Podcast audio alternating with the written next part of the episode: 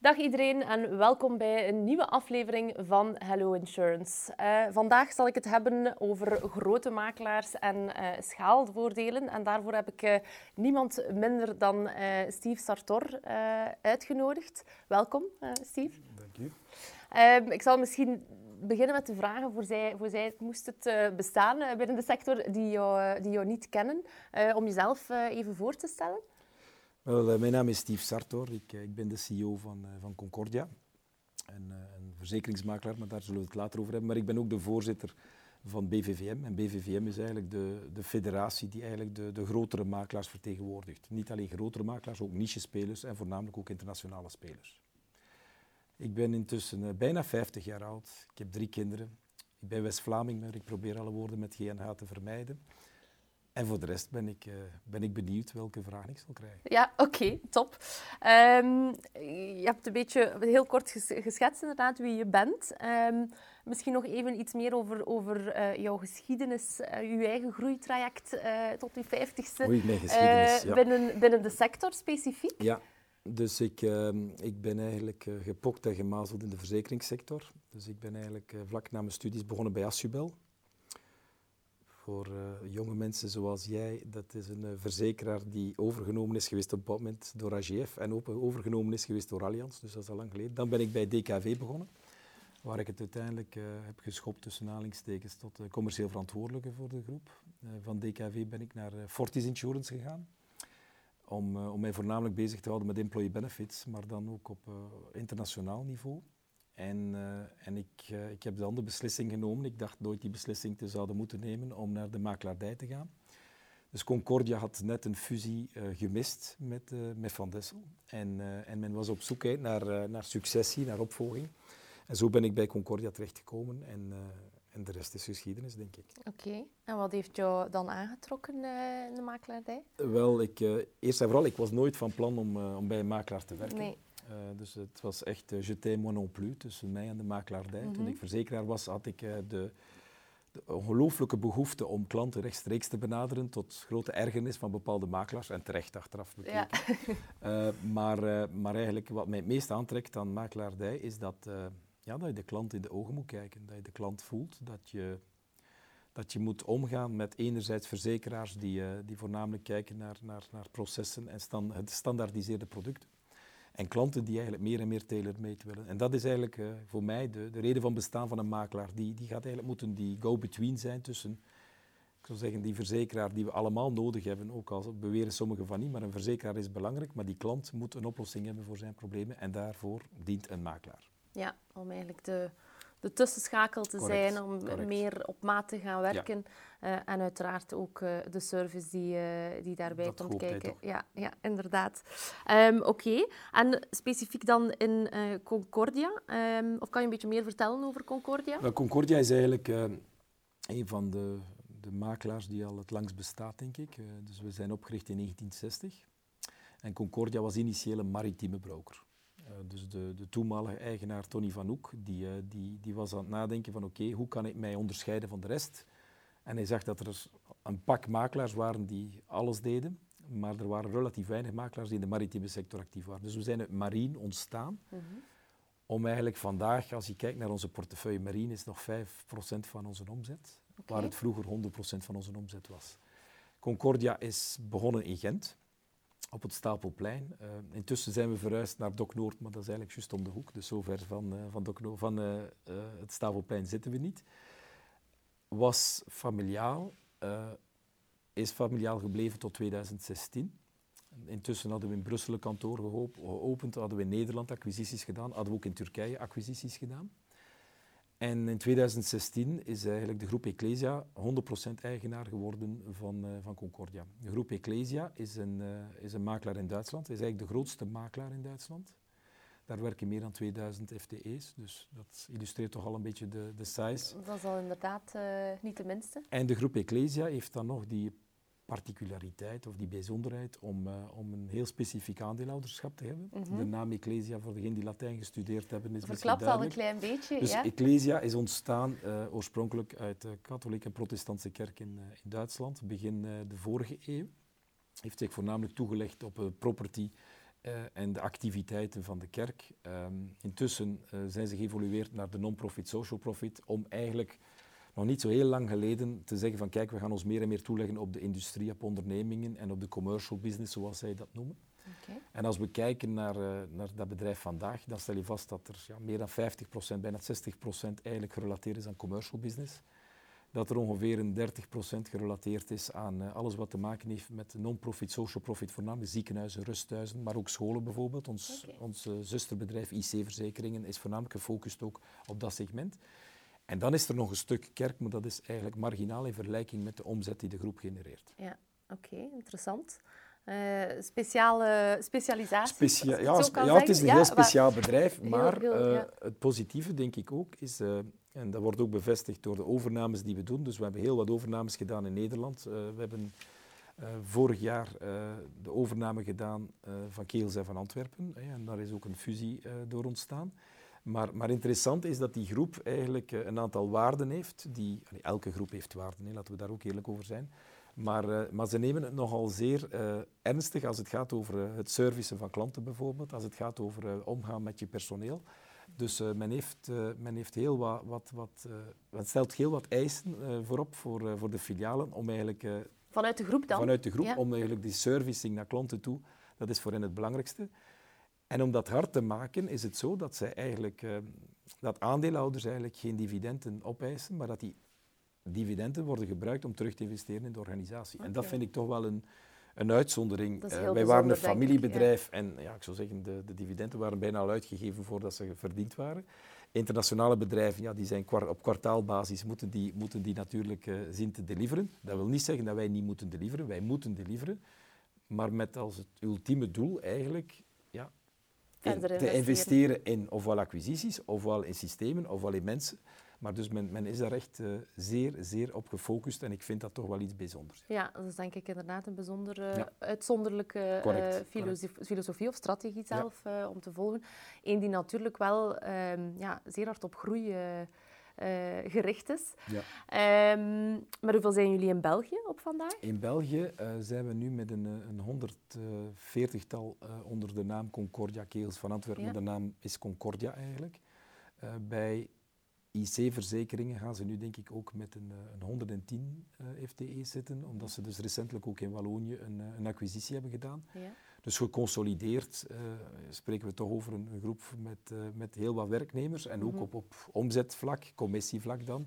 Ja, zitten we toch ook al dicht bij de 30 miljoen als het niet meer is. Dus uiteindelijk willen wij ons echt gaan positioneren dicht bij die top 5. Big is not always beautiful. Dat heeft niks met mijn vroegere BMI te maken, maar heeft voornamelijk te maken met het feit dat je, je moet vandaag volume draaien om een impact te kunnen hebben op je markt. Ja. Je kan profielen aantrekken als je vandaag voldoende groot bent. Ja. Dus dit is een beetje het verhaal die we niet alleen bij Concordia zien, we zien dat ook bij heel wat leden van de BVVM, maar ook niet-leden. Ik denk aan Helleware bijvoorbeeld, ik denk Correct, ja. uh, vandaag nog aan, uh, aan, aan QNO en misschien nog vele andere makelaars die vandaag acquisities doen. Dus iedereen is zich bewust van het feit dat, dat een bepaald volume genereren belangrijk zal zijn, ook in de toekomst, om bepaalde investeringen, al is het maar op IT-vlak mm -hmm. of digitaal vlak, te gaan rechtvaardigen. Ja, dat is uh, iets waar we het vandaag ook uh, over gaan hebben natuurlijk, wat dat die schaalvoordelen precies, uh, precies inhouden. Want ik, naar mijn aanvoelen zijn er, zijn er twee typen makelaars. Hè, die zeer progressief bezig zijn met binnen 10 jaar, binnen 15 jaar, binnen 20 jaar. en de anderen die zich weinig bewust zijn van, van, van die consolidatiegolf bijvoorbeeld, die aan de gang is, die digitalisatie um, op vlak van, van HR en employee benefits, heel wat zaken in beweging we hebben uh, daarnaast ook uh, op vlak opnieuw van HR een, een nijpend tekort. Uh, hè, dat is, het is een, gelist als een knelpuntberoep. Um, dus ik kan mij ook wel inbeelden, als jullie groeien, dat jullie ook meer mensen uiteraard nodig hebben. Um, hoe gaan jullie daarmee om, om die, om die aan te trekken? Goeie opmerking. Ik denk dat iedereen binnen onze sector op zoek is naar mensen. Mm -hmm ik, ik, kom, ik zat gisteren op de, de Vivium Digital Awards. Iedereen zoekt mensen. Mm -hmm. Dus of je nu een, een, een, zeer grote makelaar bent of je kleine, bent een kleine makelaar, iedereen zoekt mensen. Je bent een grote verzekeraar of je bent een kleine verzekeraar, je zoekt mensen. Dus uiteindelijk is het een, eh, een, een nijpend tekort vandaag op de markt. Daarom ook denk ik dat dat digitaal verhaal zo belangrijk wordt. Uiteindelijk, als je ziet hoeveel dat handjes kosten of hoe moeilijk het is om handjes te vinden, ja, dan, uh, dan is het bijna een no-brainer om te gaan investeren in tools, in middelen om zaken te automatiseren, te digitaliseren. Digitalisatie, dat, dat dekt natuurlijk niet de volledige lading als het gaat over automatisatie, is een stuk van de digitalisatie. Mhm. Maar het spreekt voor zich dat wij continu bezig zijn met te kijken naar onze processen, te kijken van wat, waarmee zijn we bezig. Als wij even onze, ik zou zeggen, seniorprofielen bekijken, mensen met ervaring in bepaalde takken, dan stellen wij vast dat 70% van hun tijd vandaag nog wordt gespendeerd aan administratieve taken. 30% is de pure, het pure brainwerk. Mhm. Het spreekt voor zich dat die balans juist omgekeerd moet zijn. Dus je moet gaan naar 30% maximum administratieve taken, 70% brainwerk. Hoe ga je dat oplossen? Maar wij lossen dat op verschillende niveaus uh, op. Wij lossen dat op door in te zetten op digitalisatie. Dus de processen die altijd terugkomen, gaan we proberen zoveel mogelijk eigenlijk te automatiseren. We zetten ook in op outsourcing, in de zin van als wij vandaag vaststellen dat bepaalde type schades altijd dezelfde zijn, dan moet je de vraag stellen, moet ik een sterk uh, profiel gaan aantrekken in schades om eigenlijk altijd hetzelfde werk te doen? Dan is het soms beter om bepaalde organisaties te contacteren die daarvoor geëquipeerd zijn en mhm. eigenlijk dat beter doen dan ons. Dat wil niet zeggen dat de contacten met de klant daardoor verwaarloosd worden. Integendeel, je gaat zelf betere contacten hebben, je gaat kwalitatiever contacten hebben met klanten. En als er een probleem is, ga je er zijn om ze op te lossen. Mhm.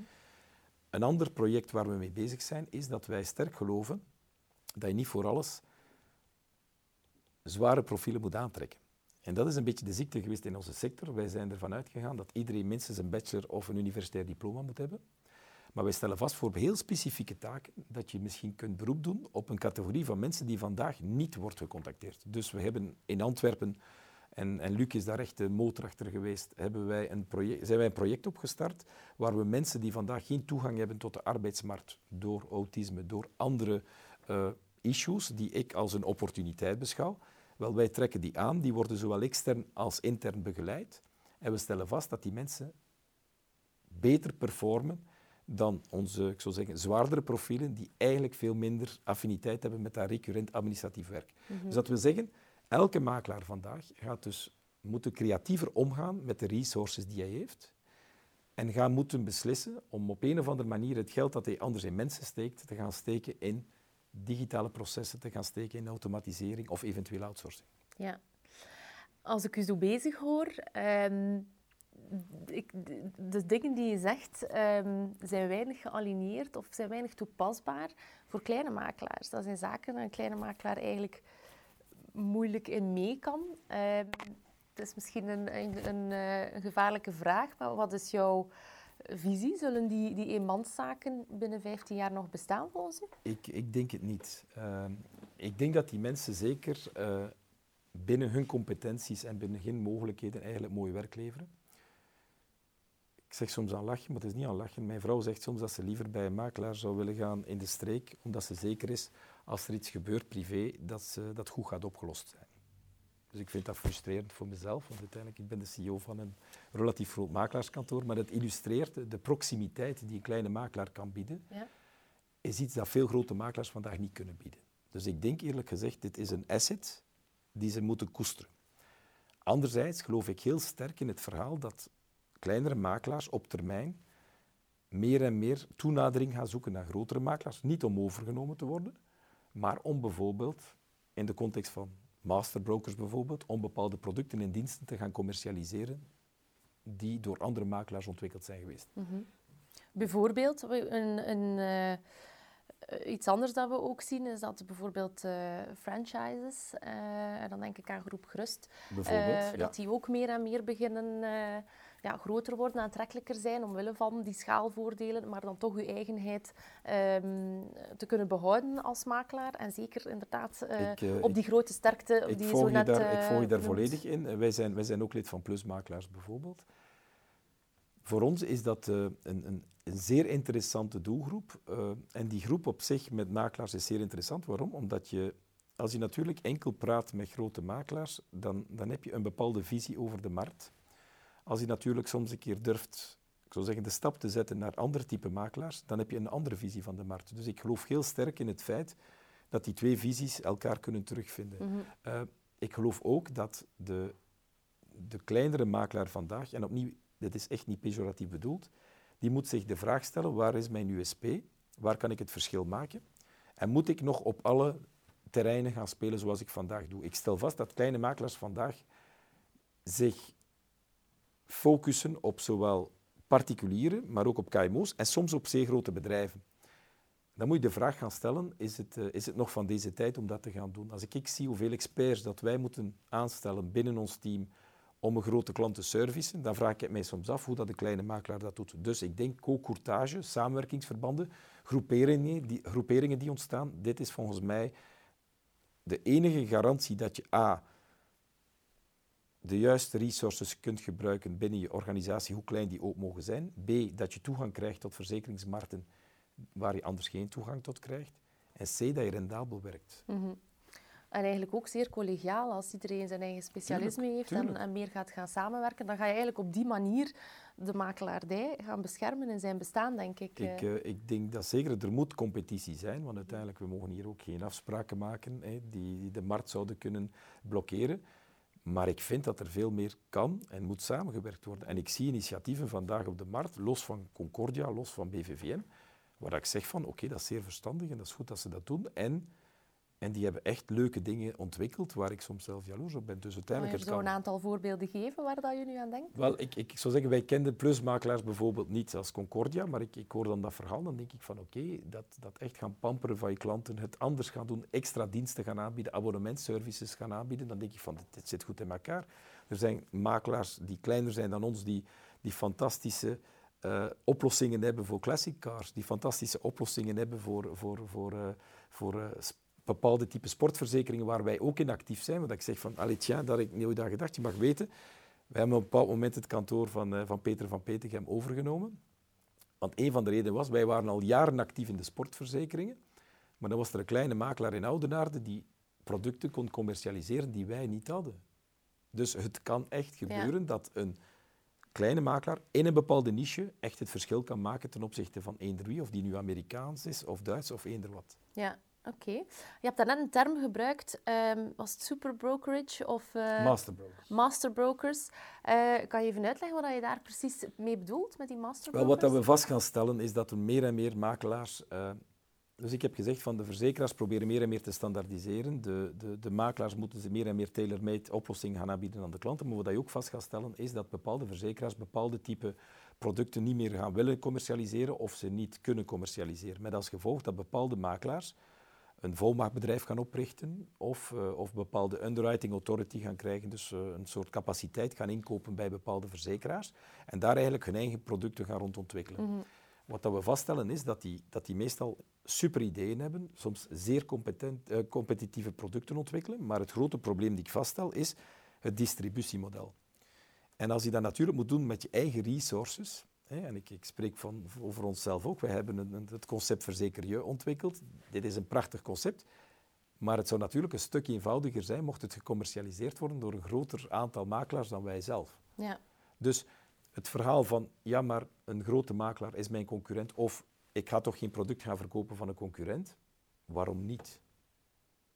Ik... Wat, is, wat, wat is denk je de grootste, uh, het argument, het counterargument? Of het ik denk grootste... het de grootste angst die, die velen hebben, is dat, uh, dat men altijd zegt van oké, okay, en die, die, die gaan mijn klant dan afpakken. En die gaan... Nee, ik denk eerlijk gezegd vandaag, type producten die door veel masterbrokers worden ontwikkeld, of door underwriting uh, agencies, dat zijn producten die nicheproducten zijn, waar eigenlijk zoveel mogelijk gebruik gemaakt wordt van de digitale weg. Dus het eind, uiteindelijk, dat persoonlijk contact met die klant is van ondergeschikte waarde. Die kleinere makelaar daarentegen, die vindt dat persoonlijk contact heel belangrijk. Mm -hmm. En die kan dat nog verder gaan exploiteren. Dus ik ben altijd ervan overtuigd, als we heel mooie nicheproducten commercialiseren en andere makelaars kunnen die ook gaan commercialiseren, dat zij van het momentum gebruik zullen maken om misschien van die klant een totaalklant te maken. Iets dat wij als grote makelaar niet gaan doen. Ja, dus eigenlijk dat je een beetje een hybride werking hebt Ja. met de voordelen van een Correct. grote makelaar en van een kleine makelaar, waar 100%, dat ja. iedereen bij wint eigenlijk. Ja, ja. oké. Eh, je hebt ook gesproken over eh, makelaars die zullen trekker zijn in, in ehm, underwriting. Eh, als we kijken naar Nederland, eh, is dat, dat is een MGA-markt. Ehm, je geeft aan dat je dat dus hier ook op die manier ziet evolueren? Ik, uh, ik denk niet dat het is van zal het gebeuren. Nee, het is juist wanneer. En ik weet dat er al heel wat initiatieven bezig zijn. Dus, uh, maar ook daar hebben de grote makelaars het eerste initiatief genomen. Waarom? We hebben de mosterd niet zelf uitgevonden. Wij hebben een volmachtbedrijf met, uh, met Ecclesia Nederland. Dus die hebben een volmachtbedrijf in Nederland. Dat komt hier ook overgewaaid. Dus je gaat zien, meer en meer grotere makelaars gaan volmachtbedrijven oprichten. Maar er zullen ook organisaties ontstaan die rond heel specifieke producten, rond cyber, rond DNO, rond, uh, rond andere financial lines, producten zullen ontwikkelen en dat gaan proberen te commercialiseren over, over een, een, 100.000 of misschien meer makelaars. Oké. Okay. Um, wat houdt maatschappijen tegen om dat zelf te doen? Waarom moet, waarom moet daar die, die underwriter nog tussen zitten? Dan kan je ook de vraag stellen met een verzekeringsmakelaar. Hè. Dus je zou diezelfde vraag... De middleman, hè, kill the middleman is natuurlijk een slogan die in bepaalde landen ook gebruikt is geweest. Ik denk de makelaarsmarkt is, is belangrijk in België en zal dat nog zeer lang blijven. Mm waarom doen verzekeraars dat zelf niet? Uh, ik denk bijvoorbeeld als we kijken naar, naar platformen die vandaag on, on, uh, opgericht worden door die MGA's. Het leuke aan dat verhaal is, welke verzekeraar erachter zit, is eigenlijk niet belangrijk. Dus dat wil ook zeggen, als een, we hebben bijvoorbeeld de trend gezien met cyber. Er zijn verzekeraars die zich op een zeer agressieve manier gelanceerd hebben in het cyberverhaal. Cyber was, ik zou zeggen... Uh, de new big thing. Voilà, de new big thing. Je moet dat commercialiseren. Bright and shiny. Ja. Er zijn er evenveel die er al uitgestapt zijn nu. Mm. Dat ga je vermijden op het moment dat je zegt van ik heb een MGA, ik ga één of meerdere verzekeraars erachter zetten die eventueel elke x procent van de capaciteit voor zich nemen. Als er eentje wegvalt, ga je die vervangen. Dus ik denk, zoals we ook in TPA's zien in, in medische kosten bijvoorbeeld, wij zien meer en meer verhalen waar dat klanten eigenlijk de makelaar zullen hebben als aanspreekpunt. En welke verzekeraar erachter zit, gaat minder belangrijk zijn. Het spreekt voor zich. Er zijn verzekeraars vandaag die zelf MGI's opkopen. Hè. Dus, dus uiteindelijk stel je vast dat die verzekeraars ook in het kader van hun distributiestrategie gaan nadenken en kijken van oké, wat is nu de beste manier om bepaalde zaken aan te pakken. Maar MGI's zouden geen reden hebben om te bestaan als de verzekeraars eigenlijk voldoende capaciteit op de markt brengen, voldoende producten op de markt brengen. Dus er is, er is enkel een behoefte aan MGI's als er zich een opportuniteit voordoet in die markt. En dat kan alleen als die verzekeraars zeggen van in die niche gaan we misschien minder investeren, of daar gaan we strenger zijn, of daar hebben we niet de capaciteit of de middelen voor, dan ga je die MGI's zien groeien. Ja, ja oké, interessant. Wat we in, uh, in, in, Nederland ook uh, vernomen hebben, want WeGroup is, is daar ook actief, um, is dat men aangeeft dat het ontstaan van MGA's heel veel te maken had ook met de, de legacy-systemen waar dat de maatschappijen op zitten. Um, waardoor dat zij, je spreekt over de middelen en de capaciteit, dat zij eigenlijk niet dynamisch genoeg waren om heel snel die producten op maat te gaan ontwikkelen. Um, en dat daar dan die middelman, dus die MGA, bij komt kijken. Daar waar dat um, de wandelgangen alvast toch gezegd wordt en dat het ook zo aangevoeld wordt, dat maatschappijen ook nu op niveau van technologie een inhaalbeweging aan het doen zijn. Dus dat het wel interessant is om te zien hoe dat ook daar zal gaan evolueren en of dat, dat in België dezelfde beweging zal, uh, zal geven. Ik denk dat je, daar, uh, dat je daar zeker een punt hebt. Ik denk dat er nog andere redenen zijn waarom dat die, die, die VOMA-bedrijven in Nederland opgericht zijn geweest. Ik denk dat, uh, ik zeg dat er ook een, een, een, filosofie is geweest van oké, hoe kunnen we op een of andere manier meer aan klanten binnen doen, maar voornamelijk ook inkomsten genereren. Hè, want daar komt het ook op neer op een bepaald moment. Dus ik ga dat ook niet onder stoelen of banken steken. Dat speelt nee. zeker een rol, die MGI's en die, die VOMA-bedrijven. Maar, maar op je, om op je vraag of op je opmerking even te, te alluderen. Ehm, ja, verzekeraars hebben, uh, hebben heel wat geïnvesteerd de laatste jaren in, uh, ik zou zeggen, in technologie. Maar dat agile zijn rond productontwikkeling is toch een stuk moeilijker bij grote verzekeraars. Om de eenvoudige reden dat um, het moet passen in een, ik zou zeggen, in een canvas die, die ze kennen. Er moet voldoende volume zijn ook, want anders beginnen ze er ook niet aan. Dus dat wil zeggen, dat die, die makelaar kan zich in principe permitteren, zou wel content zijn met, met een percentage van het volume dat een verzekeraar nodig heeft om te kunnen, om te kunnen uh, ik zou zeggen, rendabele business deliveren. Dus, dus ik geloof sterk in, in die mix.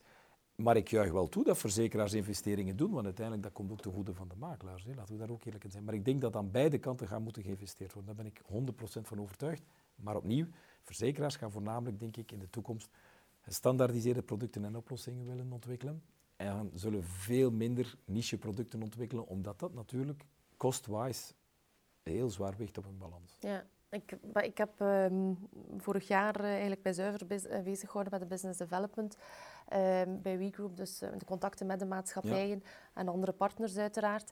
en er was er één bepaalde maatschappij, dat zal ik niet bij naam noemen, um, maar die waren van een 130 binders met dus eigenlijk niche-producten naar een dertigtal gegaan. Dus die, die waren dat inderdaad zoveel mogelijk aan het afbouwen, omwille van de reden, redenen dat je inderdaad net aangeeft.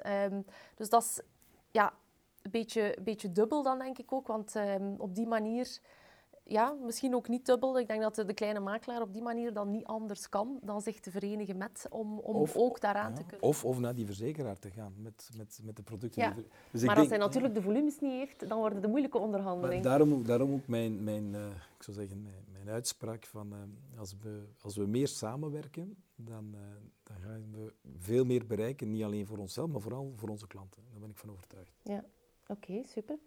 Um, we hebben hier, uh, enfin, ik had daarnet gezegd, we spreken over grote makelaars en de schaalvoordelen.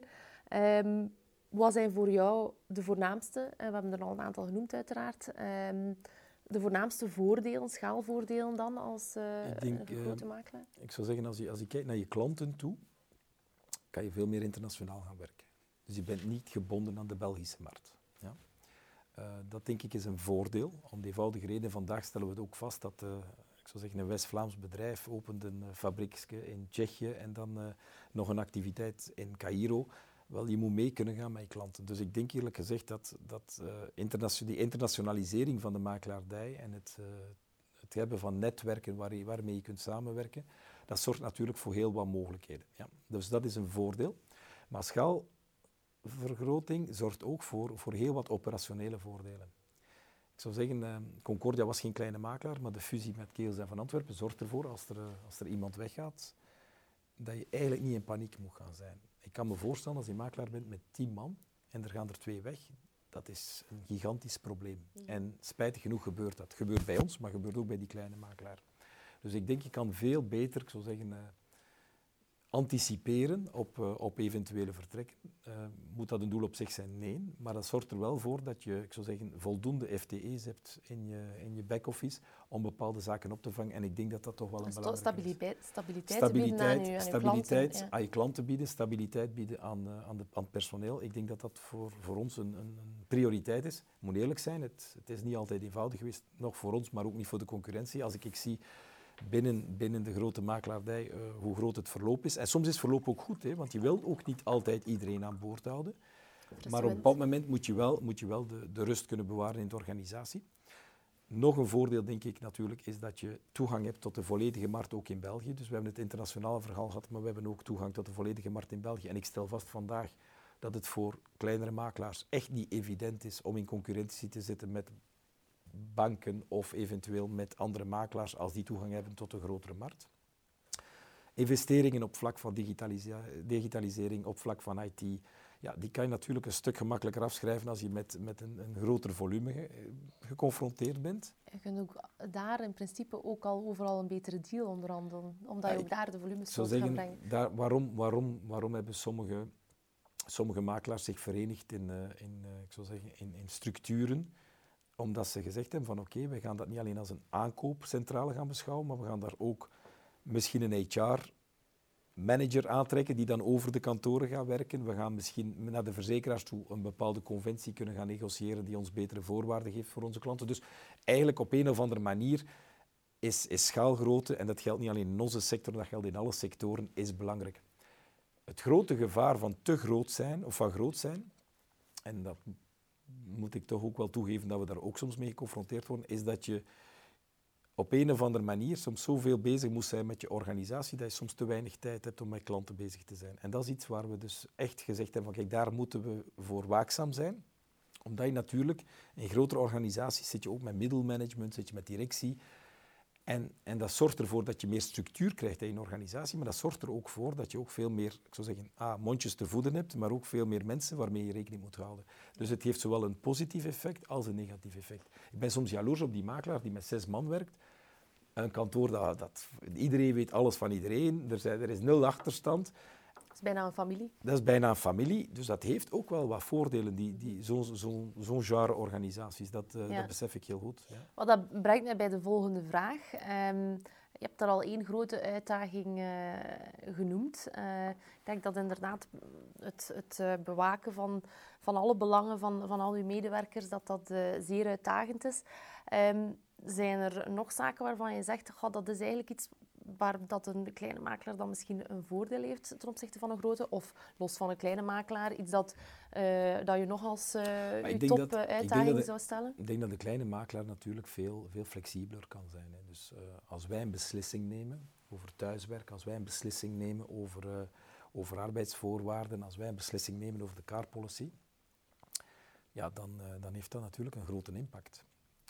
Als een kleine makelaar met vijf man zegt van oké jongens, we gaan, uh, we gaan vandaag het kantoor even sluiten, we moeten een, activiteit. Bij mij, ik moet dat eerst voorleggen aan een comité dat zelf gaat beslissen of meebeslissen van gaan we dat, die activiteit doen of niet. Dus dat wil zeggen, je bent iets minder agile, je bent iets minder flexibel als je in een grote organisatie bent. En dat is zo. Dus ik, heb de, ik, ik, ik, besef heel goed dat die kleine makelaar soms jaloers is op die grote makelaar, maar in veel andere opzichten is die misschien ook zeer gelukkig, omdat hij zegt dat is mijn winkel en ik weet perfect wat er in mijn winkel gebeurt. Ja.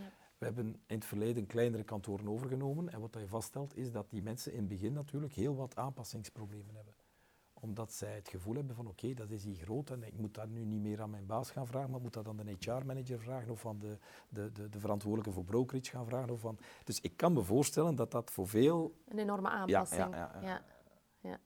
Eh, nu dat we toch over uh, consolidatie, we hebben het daar net ook al even over gehad, dat is iets dat we um, de laatste jaren al enorm gezien hebben. Uh, inderdaad, nu met, uh, met Hillewaard, daar ook een enorme ja.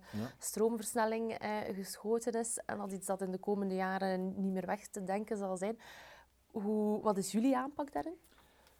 Well, overnemen om over te nemen interesseert ons niet. Mm -hmm. um, maar wat ons wel interesseert is, uh, is nog altijd uh, partijen vinden die strategisch matchen met ons en die, uh, ik zou zeggen, die ons kunnen, kunnen helpen om, om te groeien. Let op, de, de prioriteit vandaag bij Concordia is organische groei. Maar we gaan een overname niet laten liggen. We hebben ook de middelen natuurlijk om overnames te doen, maar we gaan het niet doen ten alle prijzen en we gaan het niet doen om een overname te doen. Oké, okay. je hebt daar iets interessants gezegd, strategisch matchen. Wat, uh, welk bedrijf zou er een strategische match zijn met uh, Concordia? Wat type uh, wij zullen, wij, zullen, wij kijken vandaag vooral naar ofwel makelaars die in het ondernemingensegment zitten en die een goede reputatie genieten. Makelaars die in niches zitten. En dat kunnen niches zijn die, die verband houden met maritieme bijvoorbeeld, maar dat kunnen ook niches zijn rond heel specifieke doelgroepen en segmenten waar affinity mogelijkheden ontstaan. Dus je moet weten dat wij met Keels van Antwerpen een organisatie hebben, uh, hebben gekocht vanuit de groep Ecclesia, die niet alleen in het ondernemingssegment zat, maar voornamelijk ook heel sterk in de affinity-wereld mhm. zat. En heel sterk het accent al heeft gelegd in het verleden op alles wat te maken heeft met platformen, digitalisatie, etc. Dus het is niet zomaar dat we bij Keels van Antwerpen terecht zijn gekomen. Dus met Luc heb ik al heel lang gesprekken en wij hadden eigenlijk het gevoel van dit biedt echt een meerwaarde. Dus eigenlijk elke partij die we er gaan aan toevoegen, gaat een partij zijn die de groep as such meerwaarde zal geven. Ja, geheel. Dus het gaat niet zomaar zijn van, we hebben nu uh, een kantoor in Gent, dus oké, dat is gemakkelijk te integreren, dan zijn we wat groter. Nee, het gaat voornamelijk zijn van wat gaat die partij uit Gent, ik gebruik nu Gent als voorbeeld, wat gaat die aan meerwaarde leveren? En niet alleen financieel, ja. maar ook, ook, misschien naar processen toe, naar, naar aanpak toe, et cetera, naar, naar niches waarop ze werken voor de volledige groep. Ja, dus niet zomaar groeien om te groeien. Nee. nee, nee. Past inderdaad ook wel binnen het uh, Ecclesia-verhaal dat je daarnet uh, gezegd hebt. Sturen zij daar ook uh, zeer hard in? Of hoe, wij genieten eigenlijk wij genieten, relatief, om niet te zeggen, heel veel vrijheid. Ja. Okay. Dus dat we zeggen, is een groep die zeer gedecentraliseerd werkt. Dus je geniet heel veel vrijheid, maar aan de andere kant zijn er ook wel zeer sterke eisen op andere vlakken dan? Het is zo dat we, we genieten heel veel vrijheid. Dus dat we zeggen, wij, als we een dossier hebben die ons interesseert, leggen we het voor, wordt bekeken en relatief snel er wordt een go of no-go gegeven. Het is niet zo dat zij vragen, wat doen jullie vandaag, uh, met wat zijn jullie bezig, et cetera. Dus er is heel veel vertrouwen. Mm -hmm. dat, uh, dat moet toegeven, want uiteindelijk ook voor Luc. Luc komt ineens in een groep terecht. Luc was samen met Harry Kegels, uh, ik zou zeggen baas van Kegels en van Antwerpen. Die komt in een groep terecht waar hij een aandeelhouder heeft die eigenlijk zeer chill is, om de, het woord te gebruiken. Wil dat zeggen dat zij niks van ons eisen? Nee. Ze zijn streng op reporting. Dus je hoeft geen goed nieuwsshow te verkopen als het geen goed nieuwsshow is. Dus je moet gewoon eerlijk zijn. Dat is heel belangrijk voor hen. Transparante cijfers. Transparantie, maar transparantie in alles. Dus ze, zei, ze vinden het zeer belangrijk. Als het goed gaat, willen ze het weten. Als het slecht gaat, willen ze het ook weten. Wat dat ze natuurlijk willen, is in de context van de filosofie van, van terug investeren in de organisatie, ja, je moet geld verdienen om terug te kunnen investeren. Dus uiteindelijk, ze willen wel rentabiliteit, maar tegenstelling tot veel andere groeperingen is het een organisatie die bereid is om te investeren en die ook geduld heeft. Oké. Maar geduld heeft ook zijn limiet. Dus dat wil zeggen, we moeten er niet mee spelen. Oké, interessant. Maar dat is wel uh, allez, um, leuk zeg maar, dat jullie toch nog uh, die autonomie kunnen uh, ik denk eerlijk, dan, Maar ik denk eerlijk gezegd dat zowel Luc als ik waren waarschijnlijk niet meer in de groep. Mochten we, Mocht dat niet zo zijn, mochten ja. we in een organisatie zitten waar dat, ik zou zeggen, waar dat alles wat we, wat we ondernemen eigenlijk onder de loep wordt genomen. Opnieuw, we hebben een heel open communicatie, transparante communicatie. Onze collega's van IC Verzekering, juist hetzelfde, die hebben even, even transparante communicatie. En dat zorgt er ook voor dat je, ik zou zeggen dat ze in Duitsland niet voor verrassingen komen te staan, dat, ze, dat er respect is, wederzijds respect is. En dat zorgt er ook voor, op het moment dat we dan toch zeggen van kijk, dit zouden we moeten doen en we kunnen daar genoeg argumenten voor, voor vinden, dat ze daar ook mee akkoord gaan en dat het beslissingsproces eigenlijk heel snel gaat. Ja, want dat is inderdaad uh, nog een, een, belangrijk aspect, ja. dat, uh, dat het niet te log wordt dan nee, uh, inderdaad. Nee, want ja. sommige mensen zeggen, ja, je zit in een zeer grote organisatie en in Duitsland en dat gaat toch niet gemakkelijk zijn, et cetera. Nee, veel internationale groepen hebben, hebben de neiging om, om vanuit headquarters te gaan zeggen hoe dat de anderen moeten functioneren. Dit stel je zelden vast binnen de Ecclesia-groep. Dus okay. dat wil zeggen, Ecclesia gaat echt die, die, die eigenheid gaan, gaan bewaken zelf. Het feit dat wij, allee, Nederland heeft bewust gekozen om Ecclesia als naam, als brandname naar voren te brengen. Wij hebben Concordia als brandname en wij krijgen op geen enkel manier een, een push om eigenlijk die naam te gaan veranderen. Want zij redeneren, die naam bestaat al sinds 1960, waarom zouden wij in godsnaam die naam gaan veranderen? Ja? Is gekend, voilà. ja, uh, voilà. heeft vertrouwen. Ja. Oké. Okay. Sowieso, je hebt daarnet gezegd in je strategische matching, dat een van de zaken dat je naar kijkt is het ondernemerschap en het ondernemend karakter uh, van die partij. Je gaat uiteraard geen onder, echte ondernemers aantrekken als ze hun Correct. autonomie uh, verliezen. Dus uh, uiteraard gaat dat dan wel hand in hand. Um, Oké, okay, zeer interessant. Um, zijn er um, nog even verder op, op die fusies en die consolidaties, zijn er tips uh, dat je daar kan meegeven aan makelaars die um, Ik zou zeggen, bel mij op. Nee, ja. um, nee wat, wat ik vaststel is... consulting. Er is, er is heel wat, er is, er is heel wat uh, private equity ook in de markt vandaag die interesse heeft in de makelaardij. Vooral uit het buitenland. Reden is natuurlijk dat verzekeringsmakelaars... Um, ja, die, hebben, die genereren natuurlijk recurrente inkomsten. Dus dat speelt zeker een rol. Cashflow-matig zit het meestal ook goed. En de redenering van veel van die investeringsmaatschappijen is van oké, okay, als wij een aantal van die partijen kunnen samenbrengen en wij kunnen consolideren op niveau van HR, op niveau van finance, op niveau van processen en eventueel digitalisatie, dan kunnen we daar ook gaan, ik zou zeggen, meer marge gaan genereren. Is het altijd een walk in the park? Nee. Maar ik zie dat er heel veel appetijt op de markt is. Mm -hmm. Dus dat we zeggen, elke makelaar vandaag die ofwel een successieprobleem heeft, namelijk er is geen opvolging, en dat gebeurt toch wel in onze sector. Mm -hmm. Of um, er is een ambitie om een middelmanagement aan te trekken, maar dat geeft dan een enorme impact op je bottomline. Hè? Van zodra dat je begint met experts aan te trekken binnen je organisatie die veel kosten, dan ga je zien dat je, ik zou zeggen, je personeelskosten in die mate zwaar gaat doorwegen. Dat je zegt van oké, okay, dan is het niet meer super rendabel zoals het nu is geweest. Wel, die partijen, dus weinig of geen successie, en degenen die willen de next step gaan zetten, maar zeggen van dat kost mij te veel, ja, die zullen zeker overwegen om, om, om met andere partijen in zee te gaan. Dat, mm. uh, dat lijkt me evident.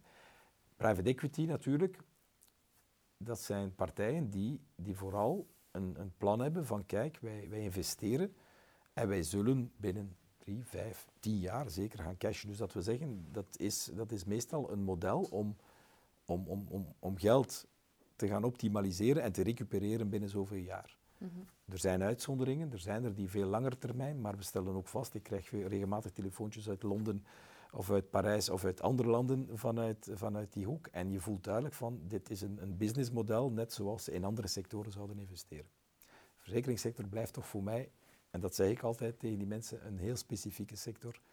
En, uh, en ze moeten toch rekening houden dat het, dat het niet allemaal een goed nieuwsshow is. Ja. Ja, ik denk dat het inderdaad uh, een zeer, zeer uh, bijzondere sector is. Ik zit er nog niet zo lang in uh, ja. als jij, maar het is zeer boeiend, heel veel in beweging in, in elk geval. Um, wat zijn de voornaamste valkuilen dat die makelaars die dan kijken naar consolidatie, waar moeten ze voor, voor oppassen? Maar ik denk dat het culturele aspect, ja. Dus het, als ik zeg, het moet matchen met onze strategie, met onze visie, maar het moet ook matchen voor de persoon in kwestie die vandaag eigenaar is van zijn kantoor, moet het ook matchen met, met die visie. Mm -hmm. ik denk het, de grootste deals... Met de eigenaar, maar ook met het personeel? Personeel, zeker. Maar de grootste deals die, eh, die, die, die worden niet gerealiseerd omwille van het menselijke aspect. Dus het financiële aspect is meestal niet het belangrijkste. Het menselijke aspect is soms veel belangrijker. Vergeet het personeel niet. Um, ik zou zeggen, wij hebben die overname uh, gedaan met Ecclesia. Uh, dat was in 2020, die onderhandelingen. En uh, dus op 31-12 is dan oké, we beginnen op 1 januari en we doen dan een fusie op 1 juli. Maar natuurlijk, dat was in plein COVID. Dus dat wil zeggen, Luc en ik waren natuurlijk op de hoogte, omdat wij al jaren aan aan het praten waren. Maar uiteindelijk hebben we ook vastgesteld, en dat is misschien een les die we geleerd hebben, dat we misschien en ik weet dat ligt gevoelig naar confidentialiteit toe uh, en naar de onzekerheid of een deal al dan niet gaat doorgaan. Maar we hadden misschien iets meer mensen moeten meepakken in het proces, gewoon omwille van het feit dat wij al veel te ver stonden in het proces ten opzichte van veel andere medewerkers bijvoorbeeld. Ja. En dus dat is change management. Dit, dit is iets, dit is iets, dit is, dit is iets wat ik zeg van, als, je, als, je, als ik een raad kan geven of advies kan geven aan een partij die het overweegt, dat is onderschat dat element niet. Ja dat je, dat je soms een keer achter je moet kijken. Over je schouder moet kijken van, ja, is iedereen wel mee in het verhaal? Laat mensen mee beslissen, zeg want, maar. Want, want uiteindelijk, in tegenstelling tot veel andere sectoren, wij produceren niks.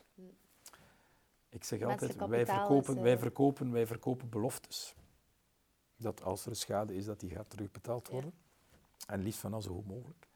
Maar eigenlijk produceren wij niks. Dus dat we zeggen, wij zijn eigenlijk 100% afhankelijk van de menselijke kant. Dat we mhm. zeggen, als onze mensen er niet zijn, dan hebben wij ook geen reden meer voor, voor bestaan. Want uiteindelijk, ja, als de mensen niet zijn om te administreren, om, om te onderhandelen, etc., om schades uit te laten uitbetalen, ja, dan, dan, dan is er anders geen reden om, om, om met een makelaar in zee te gaan. Dus dat wil zeggen, het menselijk aspect moet je echt meepakken in het, uh, in, in, in het kader van, van, uh, van, van een overname. Je moet ook weten, de due diligence wordt meestal gedaan vooral op het financiële verhaal. Dus men gaat echt gaan kijken, zijn er geen lijken die uit de kast kunnen vallen op financieel vak, mm -hmm. vlak. Maar men vergeet in veel gevallen dat het HR-verhaal misschien zelf belangrijker is. Ja.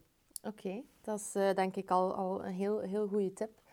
Um, ik wil misschien ook nog even, even hebben, um, we hebben daarnet ook in lijn ook met, met HR, uh, wat je daarnet gezegd hebt, en eigenlijk in, in, in, de andere lijn ook met de filosofie van, uh, van Ecclesia, die toch uh, naar de groeifilosofie ook wel organische groei, uh, terug investeren in uw eigen bedrijf, in uw eigen mensen. Dus eigenlijk wel ethisch correcte manier van, van ja. bedrijfsvoering die ik daarin ken. ook de goodwill in het algemeen, hè, door andere bepaalde groepen die bepaalde beperkingen hebben, ook aan het werk te zetten. Dus die inclusiviteit. Um, dat de goodwill uh, bij jullie toch ook wel heel, een heel belangrijke positie krijgt. Zijn er zo nog initiatieven waar dat jullie op inzetten of waar dat jullie aan meedoen? Ik zou zeggen, het, het, het, het, verhaal van je rol binnen de maatschappij. Wij, wij geloven sterk dat, dat, dat elk ondernemer heeft ook een, een maatschappelijke rol. En, uh, en elke onderneming uh, maakt deel uit van de maatschappij en moet iets doen voor de maatschappij. -hmm.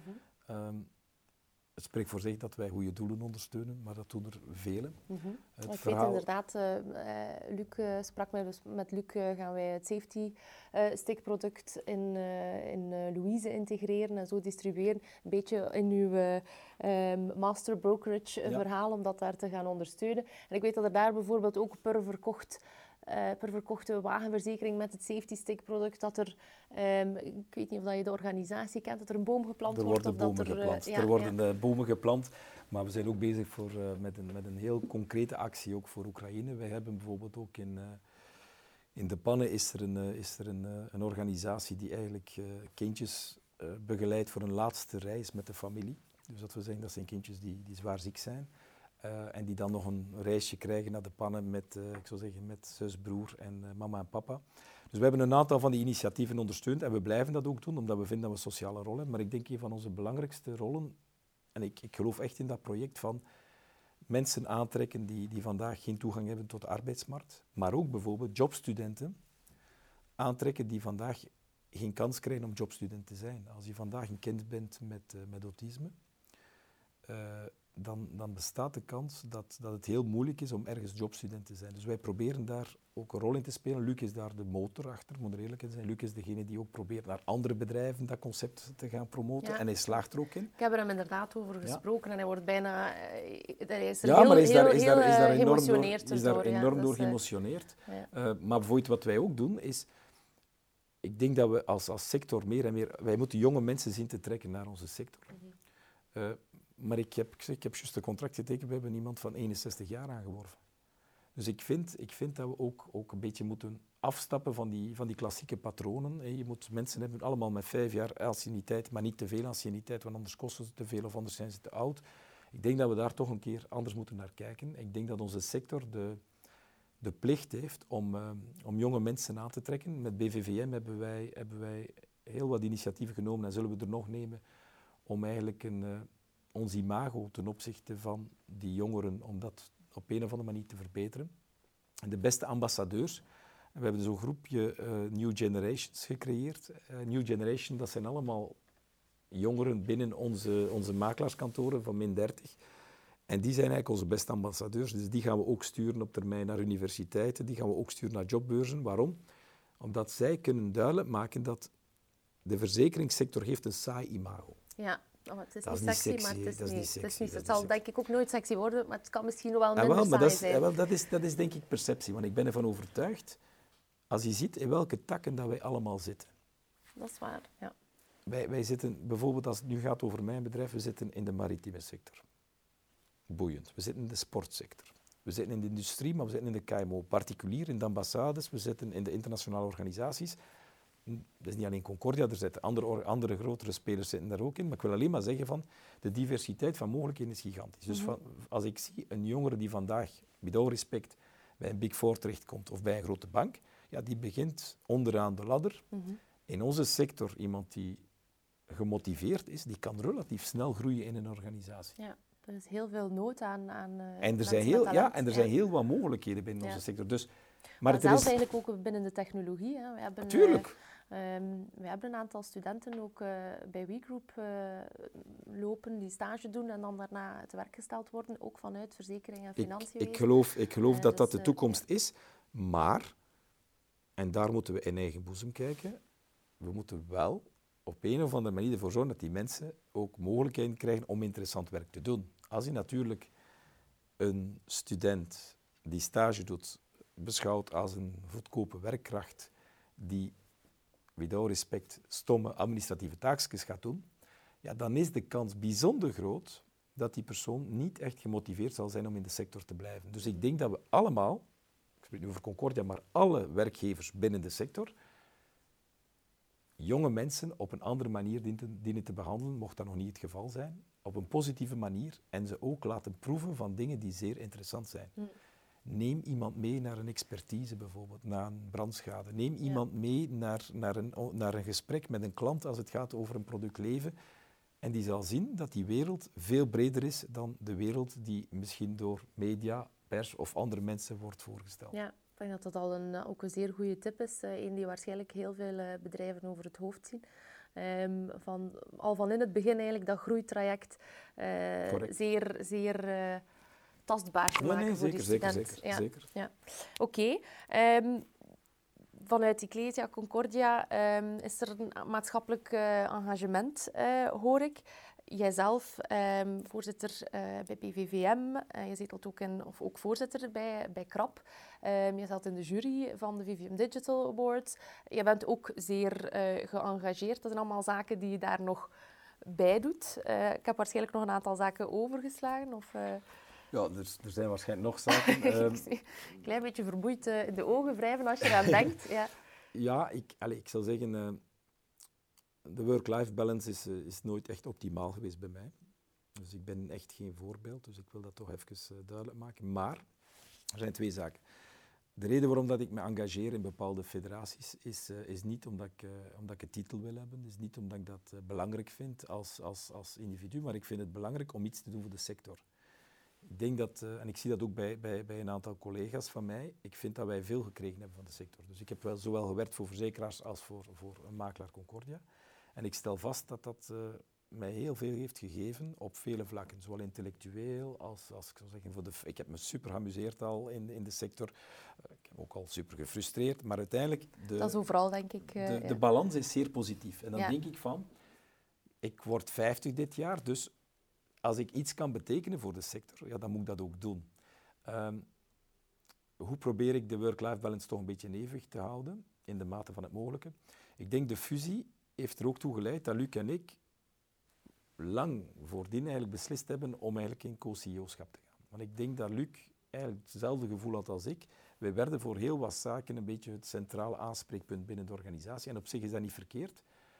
Maar dat vergt niet alleen, heel wat... Niet alleen binnen de organisatie. En ook erbuiten, maar dat vergt natuurlijk heel wat energie. Ja. En je moet ook veel energie geven. En je krijgt misschien niet altijd energie die je hoopt te krijgen, maar door eigenlijk de taken te, te herverdelen tussen ons, we hebben altijd gezegd, wij gaan nooit geen ruzie maken.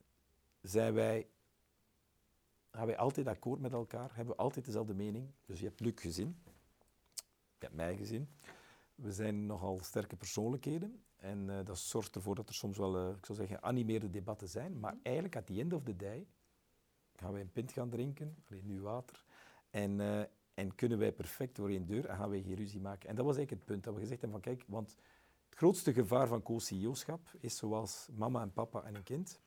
Dat is dat dat kind heel snel doorheeft waar ga ik mijn ding kunnen realiseren, namelijk wie gaat ja zeggen en wie gaat nee zeggen. Mhm. En dat willen wij absoluut vermijden. Wilt dat zeggen dat we er altijd in slagen? Nee. Maar samen met een, een, een, zeer competent directiecomité die we hebben, we hebben ook beslist om ons directiecomité veel meer bevoegdheden te geven dan de bevoegdheden die ze vroeger hadden in de vroegere twee organisaties. Dus dat wil zeggen, Mensen moeten meer een verantwoordelijkheid nemen. Dat is een kwestie van loslaten. Kunnen we dat goed? Nee. Zal nog minder goed dan ik.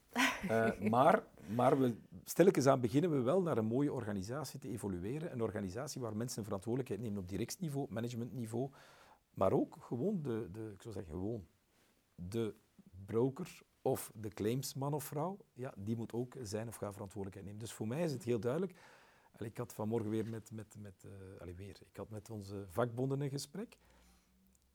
Ik ben wel de verantwoordelijke van Concordia, maar uiteindelijk ben ik een collega zoals zij collega's zijn. Dus ik mhm. probeer mij ook niet te gaan profileren van ik ben de baas en ik weet alles. Ik denk door ons te laten omringen, de mensen die heel veel kennis hebben in bepaalde domeinen, ja, dat zorgt ervoor dat wij onze work-life balance dat die beter gaat zijn. Beter in evenwicht. En dat zorgt er ook voor dat we, want uiteindelijk de krap doe ik met een fantastisch team. Uh, eh, BVVM heb ik een zeer dynamisch raad van bestuur. Hebben we een heel mooi team die, uh, die bij BVVM werkt en die ons in, daarin ondersteunt. Dus, dus eigenlijk, ja, je doet niks alleen. Hè. Dus, ja. dus als we, ik zeg altijd, als we een zaak realiseren, realiseren we hem samen. Verliezen we een zaak, verliezen we hem, samen, verliezen we hem samen. Dat geldt evenzeer voor de, voor de organisaties of federaties in de welke dat ik zetel. Ja. Oké. Okay. Um, dus als ik uh, daarvan uh, mag samenvatten, twee zeer sterke karakters uh, die Denk elkaar ik. Challengen, zal het zo zeggen. maar ja, challengen om natuurlijk in de eerste plaats eigenlijk te ondersteunen. Correct. Ja, oké. Okay. Um, maar ik denk dat dat een heel mooie is om, om mee, mee, af te sluiten. Ja, zeker ook het feit dat je zegt uh, ik vond het heel mooi dat je zei over, over de, de sector in het algemeen. Heeft veel genomen, maar heeft vooral veel gegeven. Ik denk ook zeker als we spreken over HR en het aantrekken van, van jonge mensen, dat dat toch iets is om, om mee te nemen.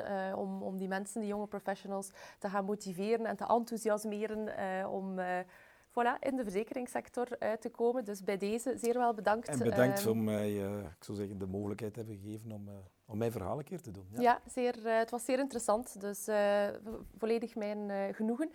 Um, mochten jullie nog vragen hebben, beste kijkers, uh, dan kunnen jullie deze stellen onderaan in de comments. En ik hoop dat ik jullie terug mag verwelkomen bij de volgende aflevering van Hello Insurance. Tot dan.